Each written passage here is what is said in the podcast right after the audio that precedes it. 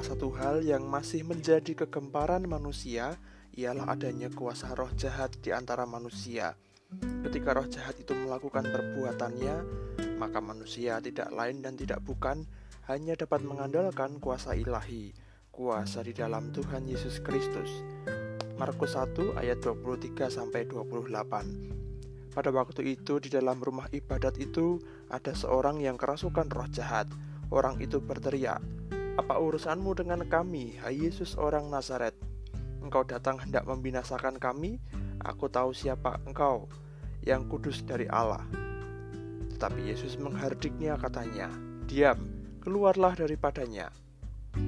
Roh jahat itu mengguncang-guncang orang itu dan sambil menjerit dengan suara nyaring, ia keluar daripadanya.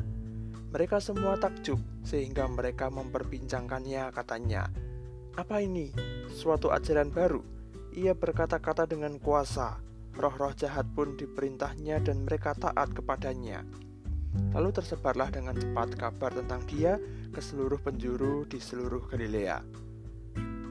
Orang yang kerasukan roh jahat itu bersama-sama dengan orang-orang yang sedang menyaksikan dan mendengarkan Tuhan Yesus di rumah ibadat.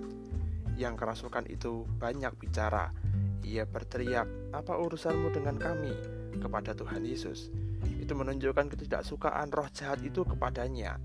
Roh jahat itu merendahkan Tuhan Yesus dengan menyebutnya Yesus orang Nazaret. Ketika itu kesan masyarakat tentang Nazaret tidak begitu baik Bahkan Tuhan Yesus sendiri ditolak di Nazaret, tempatnya dibesarkan.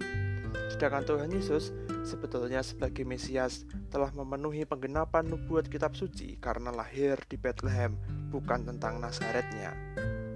Roh jahat itu langsung berprasangka bahwa Tuhan Yesus akan membinasakan mereka.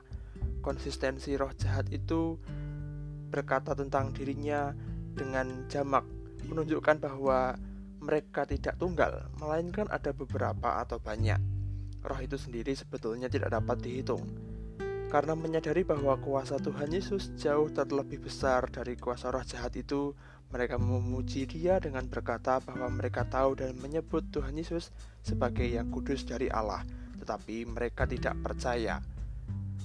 Banyak bicaranya roh jahat ini menunjukkan bahwa ia ingin mendapatkan perhatian dari orang banyak alih-alih pengajar di rumah ibadat itu, sehingga Tuhan Yesus menyuruhnya diam dan keluar dari diri orang yang dirasuki itu. Roh jahat itu tidak menjawab Tuhan Yesus dan memberontak dalam kekalahannya, sehingga menggoncang-goncang yang dirasukinya sambil menjerit. Roh jahat itu pun keluar dari diri orang tersebut dan ia sembuh. Segera setelah peristiwa itu, para pengajar, para pendengar, dan orang-orang yang menyaksikannya takjub kepada Tuhan Yesus dan memperbincangkannya. Mereka bertanya-tanya tentang begitu besar dan luar biasanya kuasa Tuhan Yesus. Hal-hal menakjubkan dan terkesan seperti ini begitu cepat menyebar. Berita ini yang kemudian akan menyertai Tuhan Yesus dan para murid dalam perjalanan mereka mewartakan Injil Kerajaan Surga dan banyak orang datang kepadanya karena berita seperti ini. Kita bisa melihat bahwa roh jahat berniat untuk mengambil alih perhatian manusia dari pengajaran Tuhan Yesus Kristus. Roh jahat itu juga menunjukkan kemunafikan dengan menantang Yesus sambil memujinya. Namun niat roh jahat itu jelas bahwa ia tidak suka dengan kuasa ilahi pada diri Tuhan Yesus dan mereka tidak percaya kepada Tuhan Yesus. Ketika kita menghadapi kuasa roh jahat itu dalam bentuk apa pun, baik kerasukan maupun perbuatan jahat manusia yang tidak manusiawi, berharaplah dan memohonlah pada pertolongan yang besar dari kuat kuasa Tuhan Yesus.